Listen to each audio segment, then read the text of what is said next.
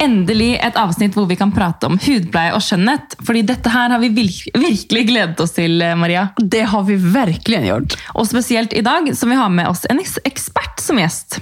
For i tillegg til å være kosmetisk sykepleier og hudpleier, så er dagens gjest også forfatter og har en bok som heter Hudpleieboka. Så vi gleder oss nå til å ta en prat med Silje Gundersen, som også har blitt mamma. Du lytter på Mamlet podkast med meg, Maria. Og meg, Marie.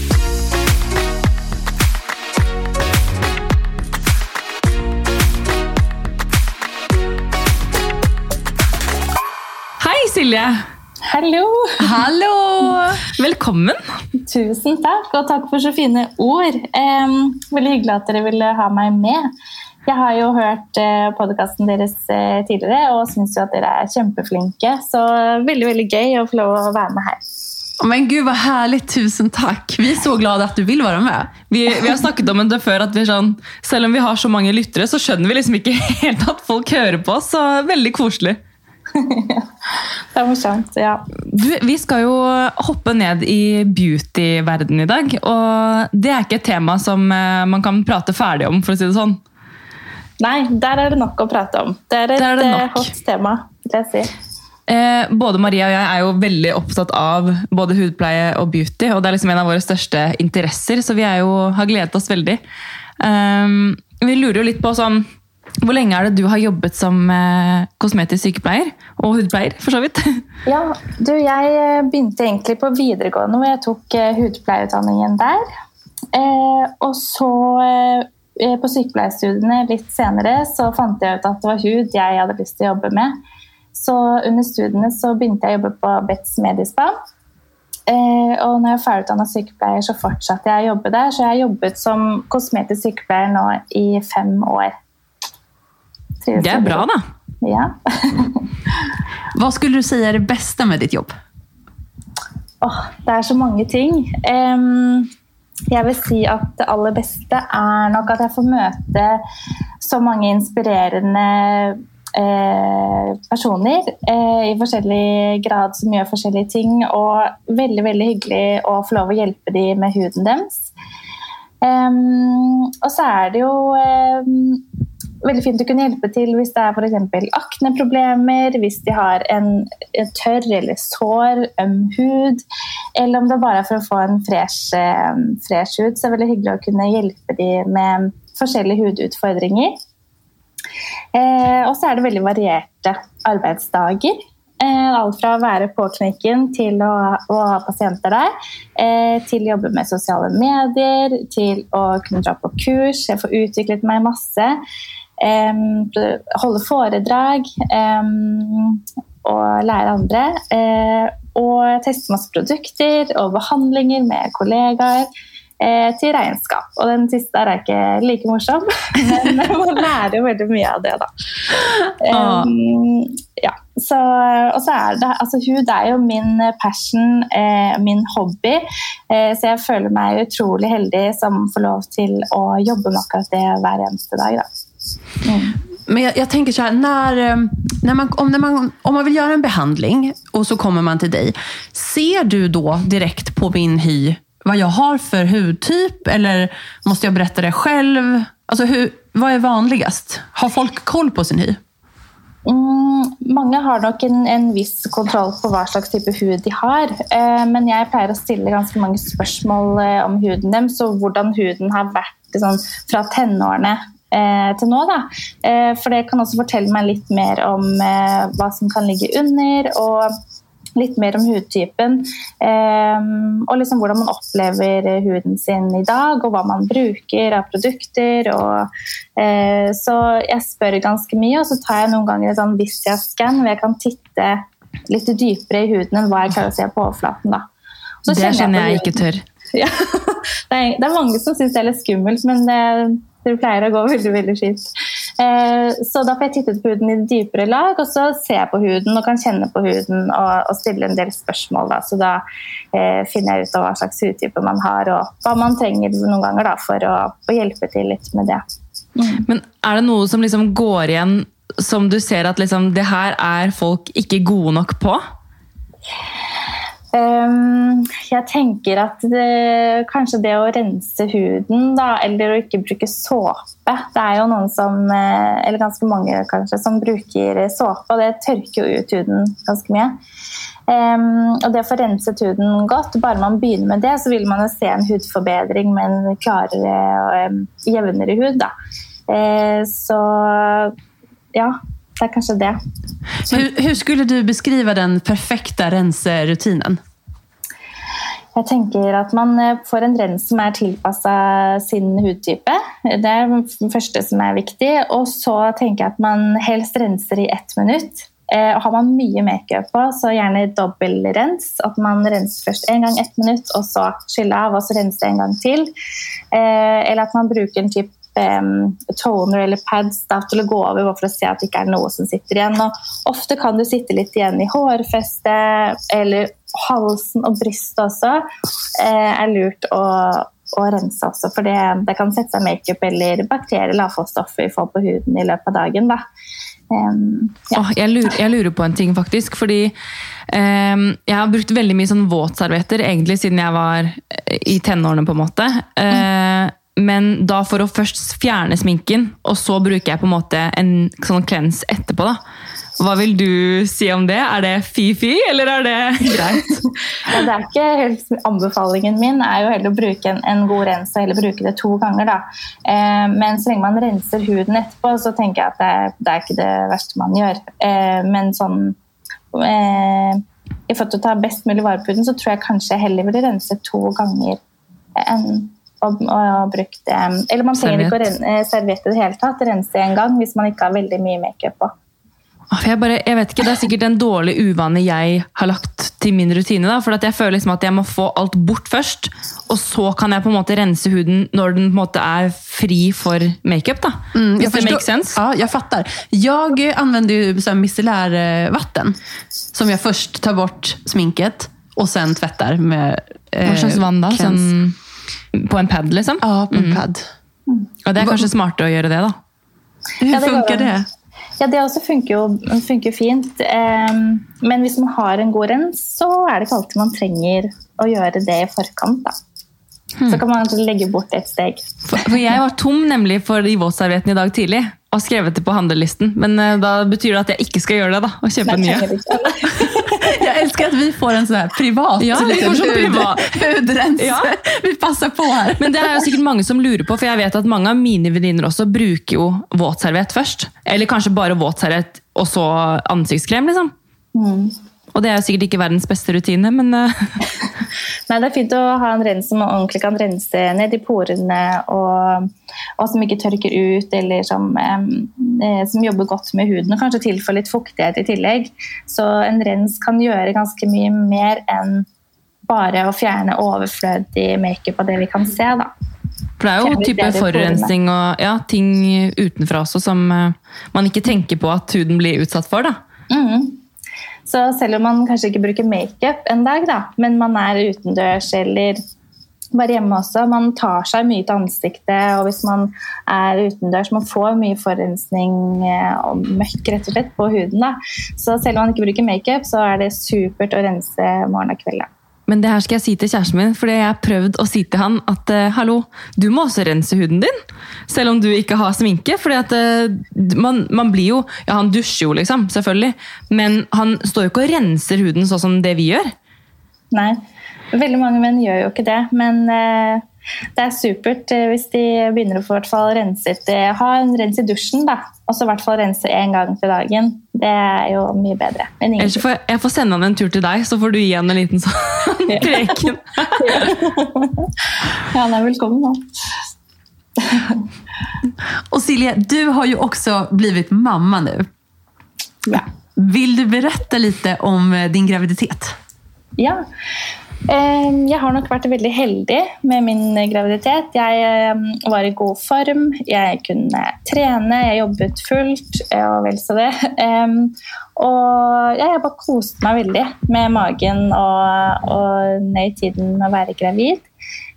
På slutten fikk jeg jo selvfølgelig litt sånn vondt i bekken og kunne ikke gjøre like tunge laserbehandlinger som tidligere, kanskje. og og liksom var trøtt selvfølgelig, og litt sånn humørsjuk på han mannen hjemme. Og, ja. Men eh, stort sett så, så, var jeg jo i veldig fin form, så jeg syntes det var veldig veldig stas og hyggelig å være gravid. Eh, og følte man fikk en sånn connection med den lille babyen i magen man ikke hadde møtt. Jeg husker I starten så var det litt sånn åh, gleda seg til å komme til tolv uker, for da liksom, kunne man slappe litt mer av. Man redd for at det ikke skulle skje noe galt. da. Og da husker jeg liksom, Hvis jeg var liksom redd en gang, så var det akkurat som jeg kjente at eh, jeg fikk liksom vondt i ryggen. Jeg merket at ok, men jeg er gravid, og akkurat som den lille på en måte ga beskjed om at hallo, det går fint her inne. Um, så nei, graviditeten uh, var veldig fin. Oh, så godt å høre. Liksom, jeg føler Man må løfte fram det òg, for man hører jo veldig eh, ofte det som er negativt og tungt og vondt. Og selvfølgelig, man trenger å høre det også, men det er veldig viktig å også få frem at en graviditet kan være eh, Jeg husker jeg hørte fra legen min å være gravid, det er ikke en sykdom. For Han sa det veldig tidlig til meg at liksom, bare sånn at du vet det, så er det ikke noe sykdom. på en måte. Fordi det er mange som kommer og sier at uh, de skal omtrent ta en sykemelding når de får positiv test. ikke sant? Mm. Uh, så det er fint å høre at du, at du har hatt en fin opplevelse. Ja, og jeg jo, kjenner jo flere som eh, ikke syns det var like stas å være gravid hele tiden. Og mange får jo utfordringer eh, sånn helsemessig, og jeg Nei, bare eh, vært veldig heldig mm, med akkurat den, da. Mm. Oh, Gud, vad härligt att höra. Eh, vill du berätta om din eh, förlossning? Ja, det kan jeg gjøre. Um, jeg um, var jo, eller På siste jordmortime jeg var på, eh, så hadde blodtrykket mitt gått bitte litt opp. Da. Så hun sier at Silje, nå må du ta det litt mer med ro på jobb. Eh, du kan ikke ha like tett program med pasienter og ikke like lange dager. Så jeg gjorde litt om på det, da. Så jeg jobbet bitte litt mindre. Det var ikke så lett med stappa fulle lister før jeg skulle ut i perm, men jeg jobbet litt mindre. Og så var det en dag på jobb. Jeg begynte å føle meg bitte litt sliten. Dette her var jo da fire uker før termin, så jeg hadde bare en uke igjen på jobb. Cirka, og jeg har jo ikke vært gravid før, så jeg tenkte at selvfølgelig helt normalt å være litt sliten nå, litt tung og litt sånn andpusten. Men så tenkte jeg at jeg har jo blodtrykksapparat på jobb, så jeg kan jo bare ta en liten sjekk nå og se hvordan blodtrykket mitt er. Så i løpet av jobbdagen mellom noen pasienter så tok jeg blodtrykket mitt. Eh, og da ser jeg at det hadde økt en del. Og så ringer jeg til jordmor, nei, jo, jordmor ringte jeg til på helsestasjonen, og så sier jeg at nå har blodtrykket mitt sånn og sånn, hva syns du jeg skal gjøre? Så sier hun eh, jeg syns du skal ringe fastlegen din i morgen, og så kanskje du skal sykemelde deg nå siste uken. Um, og så snakket jeg litt med noen kollegaer, så sier jeg det hva blodtrykket mitt var. og sånn at det, Så sier de men Silje, bare ring føden, du. Bare for en, for en sjekk, liksom. Jeg følte meg helt fin. Så jeg ringer føden og sier hva blodtrykket mitt var på. Eh, og så sier de ja, dette går fint, men du kan jo komme inn på en sjekk, da. Så, Ta med deg sånn urinprøve. Så jeg, jeg hadde behandla siste kundene, dro hjem fra jobb, tok med urinprøve, kjørte inn med mannen til sykehuset eh, og inn på sjekk. Og så husker jeg liksom bilen sa sånn Herregud, tenk hvis jeg blir lagt inn, da. Liksom sånn, tenk hvis det starter liksom nå. Du skojet litt om det. Ja, og jeg ringte moren min, og hun bare ja, du skal jo bare inn på en sjeksel, dette går fint. Og sånn. Og du hadde ikke med deg noe fødebag og sånn da? Nei, nei. nei. Og vi hadde begynt å pakke den da, hjemme, faktisk. Og så eh, kom vi inn, og så sier hun sånn Ja, nå skal vi ta blodtrykket ditt, da. Og så tar du blodtrykket, og så ser hun på meg og sier hun sånn Ja, det er litt høyt. Hun sa ikke hvor høyt det var, da. Eh, og så sier hun sånn Jeg henter eh, legen, jeg. Og så sier jeg ja. Og så kommer de legen inn, og så sjekket de Er det eh, eh, Det heter en sånn um, vurdering ta på magen for å sjekke at babyen har det bra.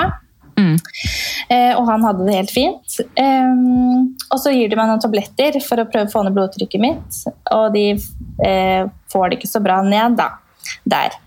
Eh, og så begynner du å legge inn veneflon og, og så begynner du å legge inn kateter på meg sånn.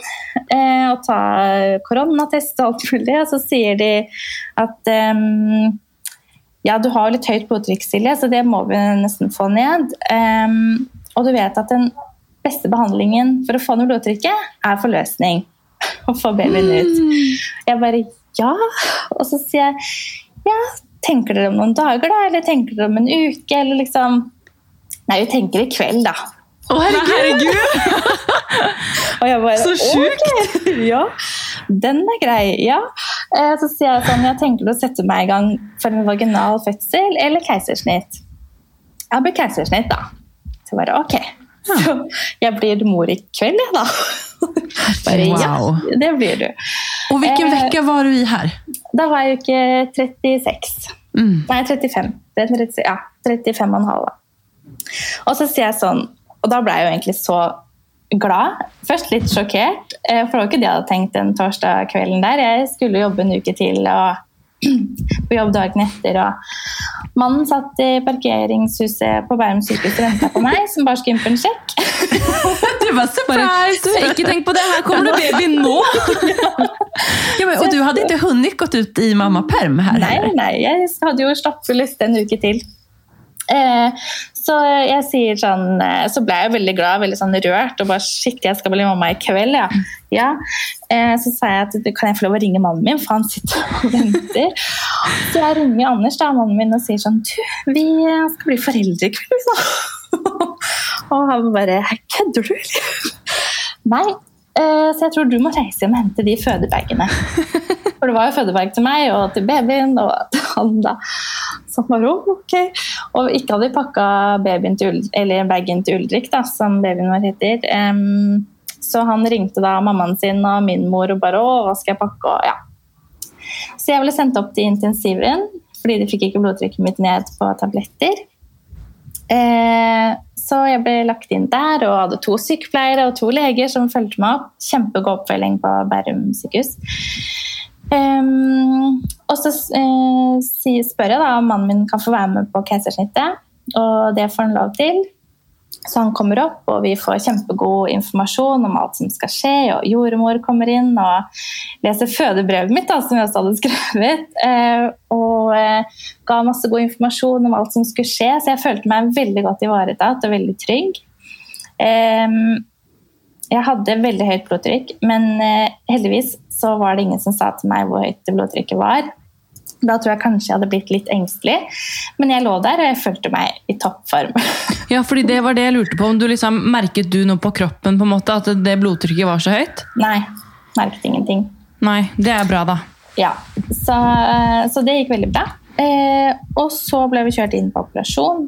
Eh, og der var det et stort team med ti stykker eller noe sånt, som eh, alle var kjempehyggelige og blide og bare 'Nå skal vi få ut smurfen din, Silje'. sa de.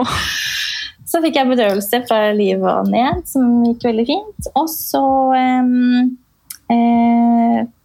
og så etter hvert, så når de hadde åpnet opp og, og sugd ut fostervannet, og sånn, så la jordmor seg over magen min. Vi kunne ikke se noe, mannen min jeg satt her, og så hadde de forheng her foran meg. Eh, og så legger jordmor seg på magen min og dytter eh, lille Ulrik ut. da. Og så løfter eh, anestesilegen eller gynekologene som opererte meg, løfter den opp så vi får titte på når han gråter. Så det var jo utrolig opplevelse å få lov å, å få se han og høre han. da.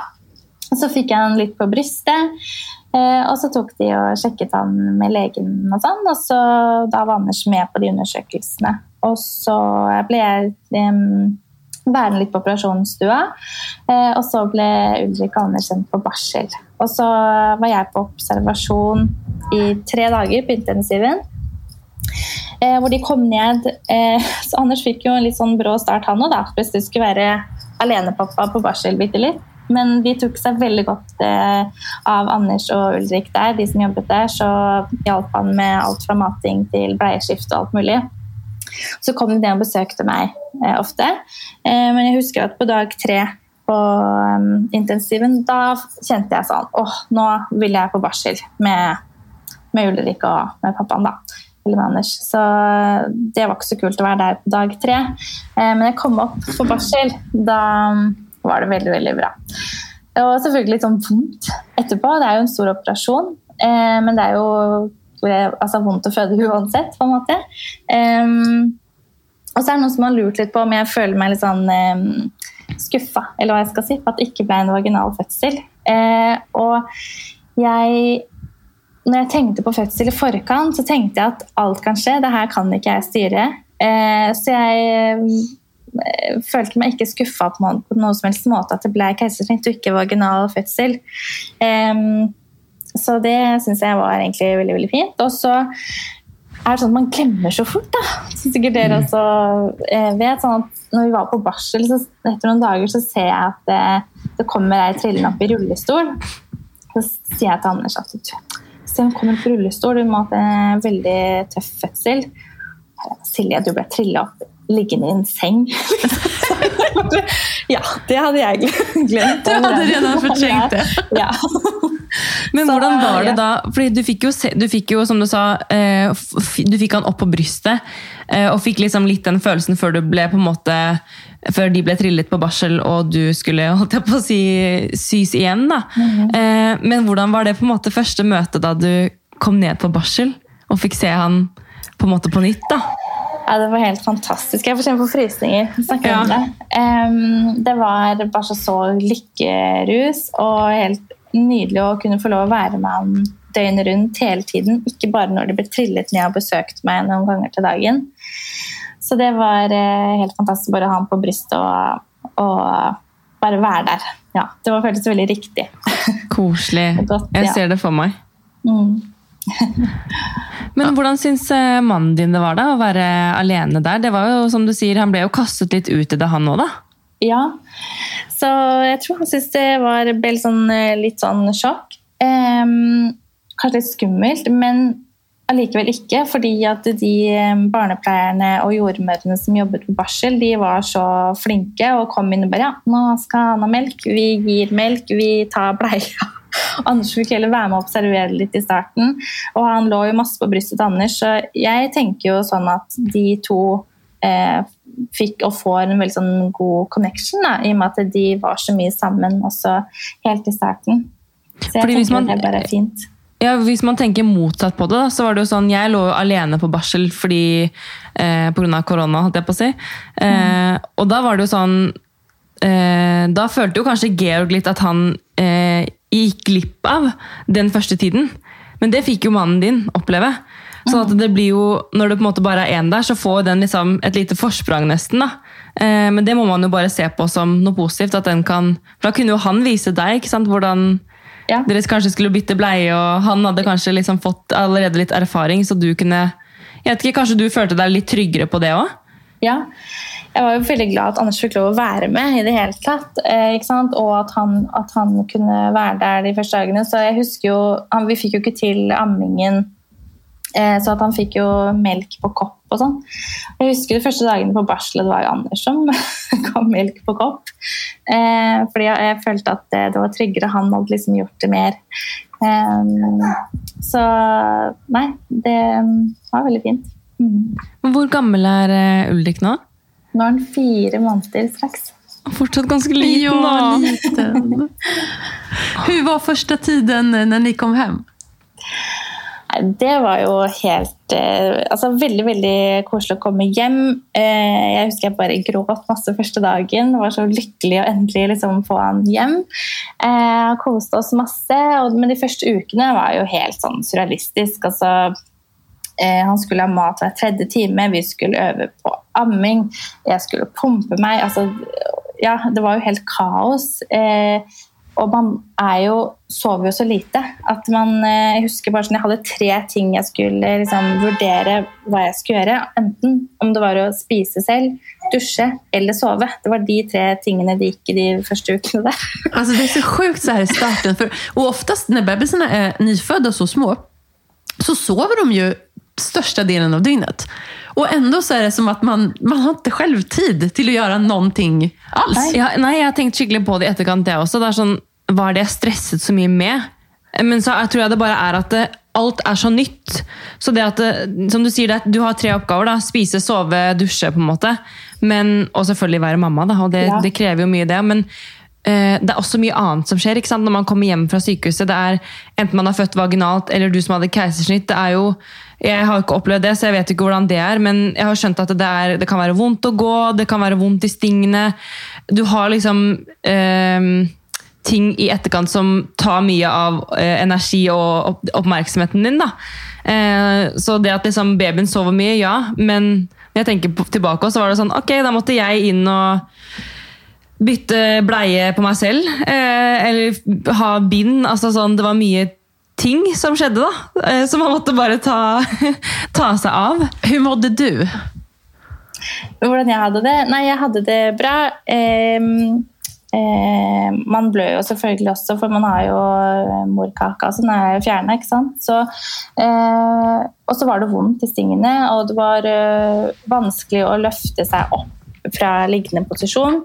Um, Ellers så gikk det veldig fint. Uh, så, men ja, de første ukene er helt sånn surrealistisk. Man vet ikke hvilken dag det er, man vet ikke hvilken tid på døgnet det er. Helt normalt å spise middag klokka 11 på kvelden. Mm. ja. Åh, Så igjen. det er veldig um, De første ukene var veldig intense. Men Den- um, ja, det er vel sånn det er. Det er en omtumlande tid. Ja. Men hvordan, hvordan prioriterte du eh, hudpleie og egentid? Eh, var det en, en viktig prioritering for deg eh, i starten? Nei, altså De første ukene så var det det der med som jeg sa i stad, altså få seg en dusj og eh, mat og søvn som var det viktigste. selvfølgelig. Men jeg husker bare på sykehus også. Eh, der hadde man jo litt, jeg følte at vi hadde litt mer tid. Man fikk liksom servert maten. Eh, mye sånn. Så det hjalp litt på tiden, det. Og da renset jeg huden eh, morgen og kveld og tok på krem. da. Men jeg, sånn normalt sett så har jeg ganske mange kremer eh, jeg har lyst til å bruke. Det har jeg ikke tid til nå. Eller, hadde, eller litt mer tid nå, men de første ukene hjemme så var det liksom rens, solkrem og så kanskje en krem. Så det, alle de stegene, de ble jo Det blir jo nye prioriteringer, ikke sant? Ja. Og det tror jeg veldig mange av våre lyttere sikkert lurer på. Sånn, hvis du på en måte kan gi noen gode tips, for du har masse erfaring med det her, du har masse ulike kunder, ulike typer hud, men hvis man skal liksom si til en eh, stressa småbarnsmamma at liksom, det, du må ta vare på huden din, og så sier de ja, men jeg har ikke tid, hva er det, liksom, hva er det man bør ta seg tid til? Veldig godt spørsmål. Eh, jeg tenker eh, Hvis man får til å rense huden morgen og kveld, da, eller bare ha rensen i dusjen, Um, så eh, tenker jeg at det er det viktigste. Og så solkrem på dagen. Um, og da er det veldig fint sånn multiprodukter. At du kanskje har en dagkrem med faktor i. Um, uh, og så kanskje en eh, en ansiktsmaske du kan sove med, som, bare, som du kan, hvis du husker det innimellom, ta på på kvelden istedenfor eh, kremen din. Da. Så bare det å rense og solkrem, så kanskje en krem, er liksom, hvis du får til det, så er det veldig, veldig bra. Da er mye gjort, på en måte. Ja, så trenger jag du ikke å sette älsk- høye krav. Jag älskar sådana här multiprodukter eh, som kan gjøre flere saker og som även kan jobbe under natten. Jeg vet. Alltså nattmasker, olika typer av nattkrämer. Det är Og sånn så bra. sånn, sånn, eh, nå har vi testet noen nye produkter i det siste, og- den ene er jo en sånn eh, pil som du tar på på kvelden, som jobber på natten. da.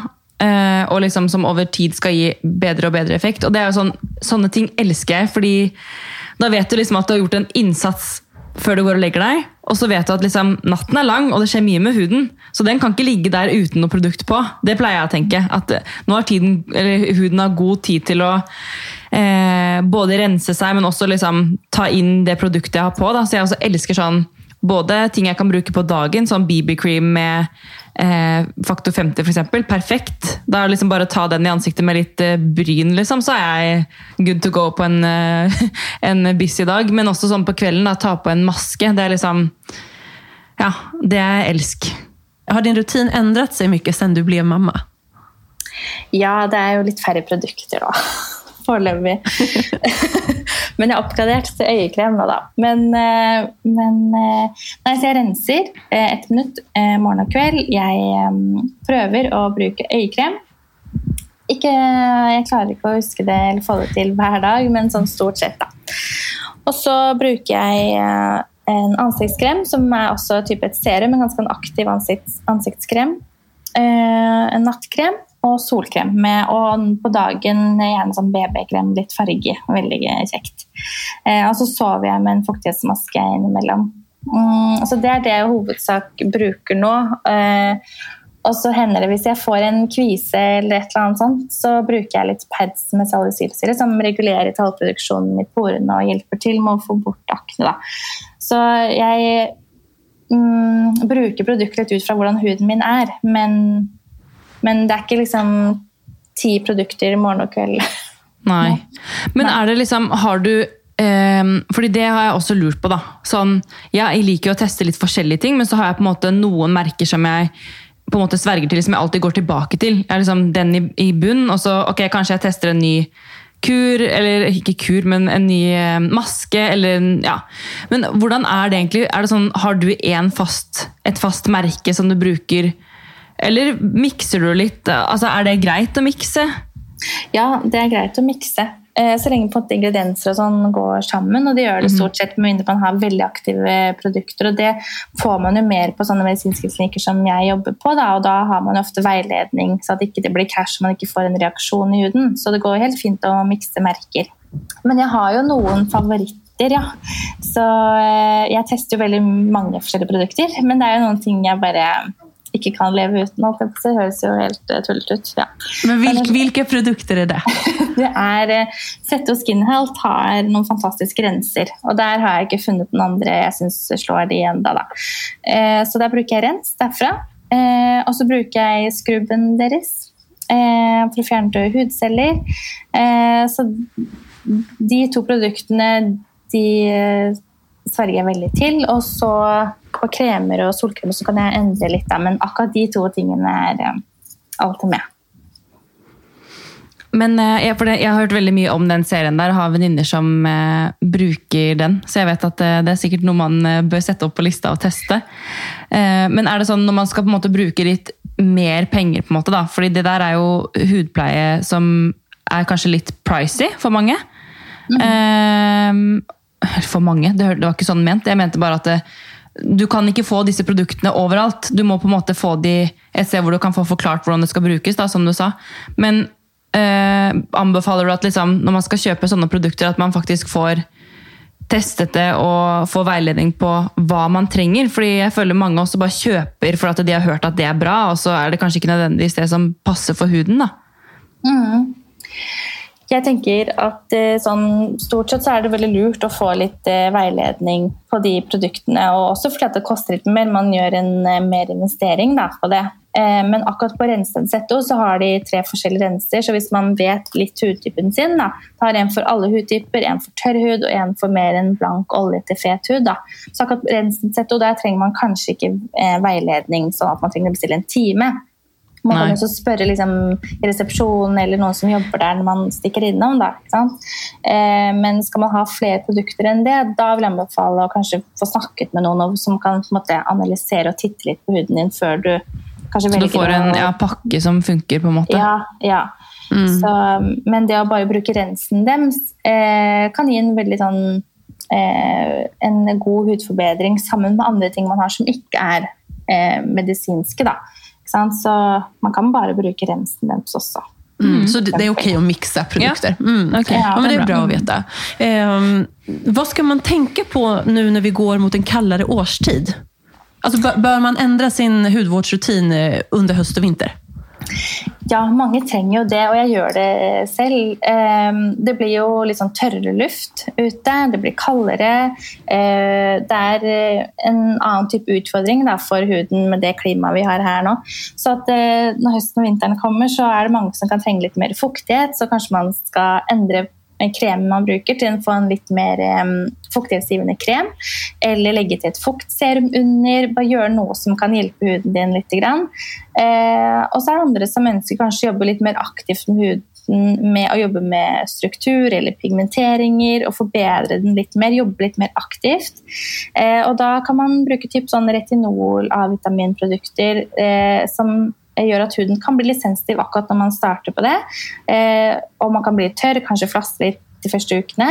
Og da er det fint å gjøre det på en årstid hvor det ikke er mye sol. Og da er på en måte høsten, vinteren en fin tid å, å gjøre noe sånt, en type kur eller ja. Så ja, absolutt en fin tid å kanskje endre lite grann. Um, Man trenger ikke å bytte ut alt, men om man trenger litt mer fukt eller, eller jobbe litt mer aktivt, så kan man gjøre det nå, da. Veldig bra. Mm, verkligen. Eh, så måste vi fråga dig, alltså det är ju en trend som har varit ganska länge just nu. Eh, och det är ju med olika stenar och kristaller i ansiktet. Alltså den gua sha, jag tror man uttalar det så. Eh, Altså, har behandlingen. Ja, og jeg har jo hatt sånn, sånne ansiktsrull. Eh, det er sikkert ikke rull det heter, men du skjønner hva jeg mener. Sånn ja, s- marmor eller sånn stein. Og den har jeg sikkert brukt, ikke aktivt i to år, men jeg har hatt den fremme og liksom brukt den mye. da. Og jeg føler liksom at huden min eh, At det blir mindre linjer. At jeg får opp blodsirkulasjonen på en måte i ansiktet. Men så er det jo liksom Har du noe erfaring med det, og funker det? Hva, hva snakker dere hudpleiere om når det Vad, kommer til sånne trender trender? tykker ni om, ja precis, om man skal kalle det trend Ja. eller, ja, jeg vet ikke. Ja. Vad tykker du Silje? Nei, altså, Nå har ikke jeg lest måte, forskningen sånn direkte på de typer rullene, men det vi vet, da, er jo at eh, en type rulle som man bruker eksempel under øynene Man kan bruke det hele ansiktet, selvfølgelig, men det drenerer væske. Eh, så hvis man har liksom, pose under øynene, så vet vi at det å drenere eh, fra under øynene langs kinnbenet, egentlig, da, det vil fjerne væske som gir et mer sånn åpent blikk. Så er en annen ting med de rullene at øker jo blodsirkulasjonen i huden, som gir glød. Det er bra for type spensten. Eh, huden ser liksom sunn og frisk ut ikke sant? i gang blodsirkulasjonen. Eh, så de tingene der eh, er en type den ruller bra for. Samtidig som man kan bruke også en type skrubb for å få i gang blodsirkulasjonen. Og man kan drenere på en måte selv med hendene. Eh, men mange syns det er veldig deilig å bruke denne rullen, og det gjør kanskje at man husker å gjøre det, enn å bare bruke hendene, eller Ikke sant? Så, Et fint eh, verktøy, liksom. Fint verktøy. Kanskje man eh, putter på serum eller krem på huden og bruker den for å rulle ut det, eller Så mange får sånn spa-følelse av det også, som er veldig, veldig deilig. Så jeg skjønner at det på en måte har blitt en, en trend, men eh, Ja. Det Er det noe negativt med å bruke det? på en måte?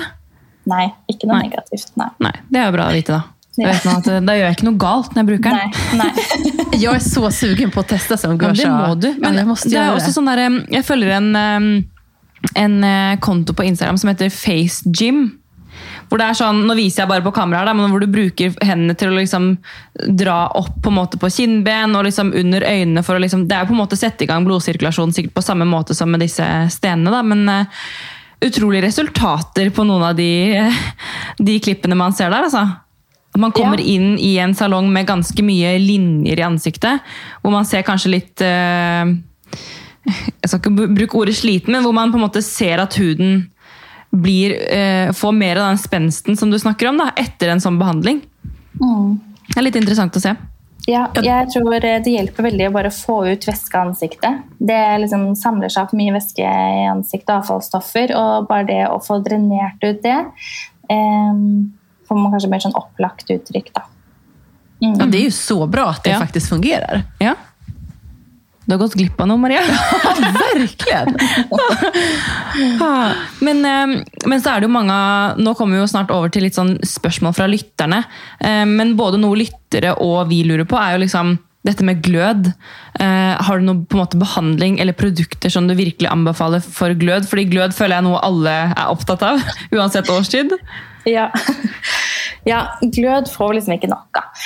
Eh, så det er jo Jeg tenker det er liksom tre steg eh, til eh, glød, typ. Um, og den første er faktisk bare det å eh, rense huden og bruke en skrubb. Altså så enkelt som det. Hvis du får bort alle avfallsstoffer, all makeup i porer, alt sånt, du får en mye sunnere, friskere hud av det. Eh, og hvis du bruker en skrubb eller typ masserer huden din, da, så får du jo en blodsirkulasjon. Og den mikrosirkulasjonen der, den gir glød. Samme som hvis man ser at man etter man har trent, så pleier man også å ha litt sånn finere glød i ansiktet. Så, det går, eh, så bare det å gjøre det, og når du bruker en skrubb, så får du bort eh, døde hudceller. Døde hudceller kan nesten legge seg som et sånn grått lag eller hva jeg skal si, utenpå huden. Får du bort det der, så bare gløder huden din enda mer, og fuktighetskremen din eller kremene dine fungerer mye bedre. Så typen kornskrubb eller en peeling er kjempelurt også for glød. da. Hvor ofte skal man gjøre en sånn peeling? ah, Det kommer litt an på hva slags type pil du har, men sånn, har du en kornskrubb da, med fysiske korn, så for de aller fleste hudtyper så kan du i hvert fall skrubbe tre ganger i uken. Mm. Mm. Ett minutt. Eh, og da får du bedre effekt av kremene dine etterpå, og du får glød av det å skrubbe, faktisk. Og så er liksom steg nummer to, da, hvis du skal liksom opp på neste nivå eh, for å jobbe med glød, så er eh, type ansiktsmasker kjempefint. Gjerne etter at du har skrubbet, da får du bedre effekt av maskene dine. Eh, om det er så er fuktmasker eller for litt sånn oppstramming eller med antioksidanter som gir glød, så type masker eh, gir også en veldig fin eh, glød. Og det siste steget er liksom kanskje behandlinger, da. Eh, og da har vi litt forskjellige behandlinger. Vi har alt fra liksom, lasere til injeksjoner som mesoterapi, hvor man setter ned fuktighet i huden, og antioksidanter, vitaminer, peptider, altså bare liksom godsaker for huden. Eh, fordi vi begynner å miste litt fuktighet etter passerte par og 20, så begynner liksom kollagenproduksjonen å avta, vi mister litt fuktighet. Bare få satt tilbake litt av det i huden. Det, det gir glød. Um, så type dermapen, alt som måte, kan tilføre noe positivt, da, det, sånne typer behandlinger gir eh, også veldig fin glød.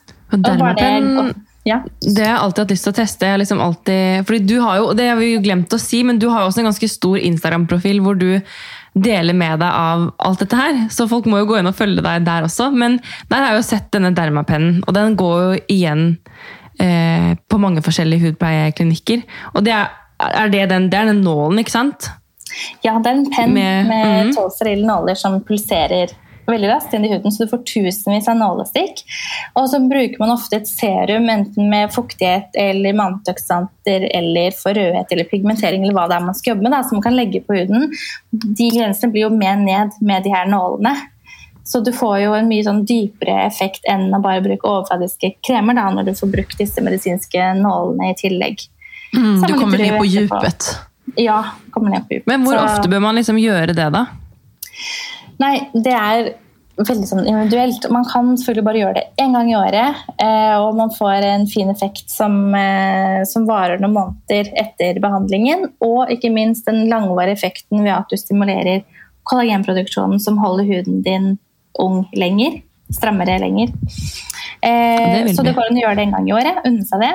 Eller så kan man gjøre det eh, ca. seks ganger i året. At det går to måneder mellom hver behandling. Da, Mm. da gjør du alt du kan. på en måte. Jeg har skikkelig lyst til å dra og, og ta altså jeg, har- ja, jeg har bare så lyst til å ta en, en hudpleietime.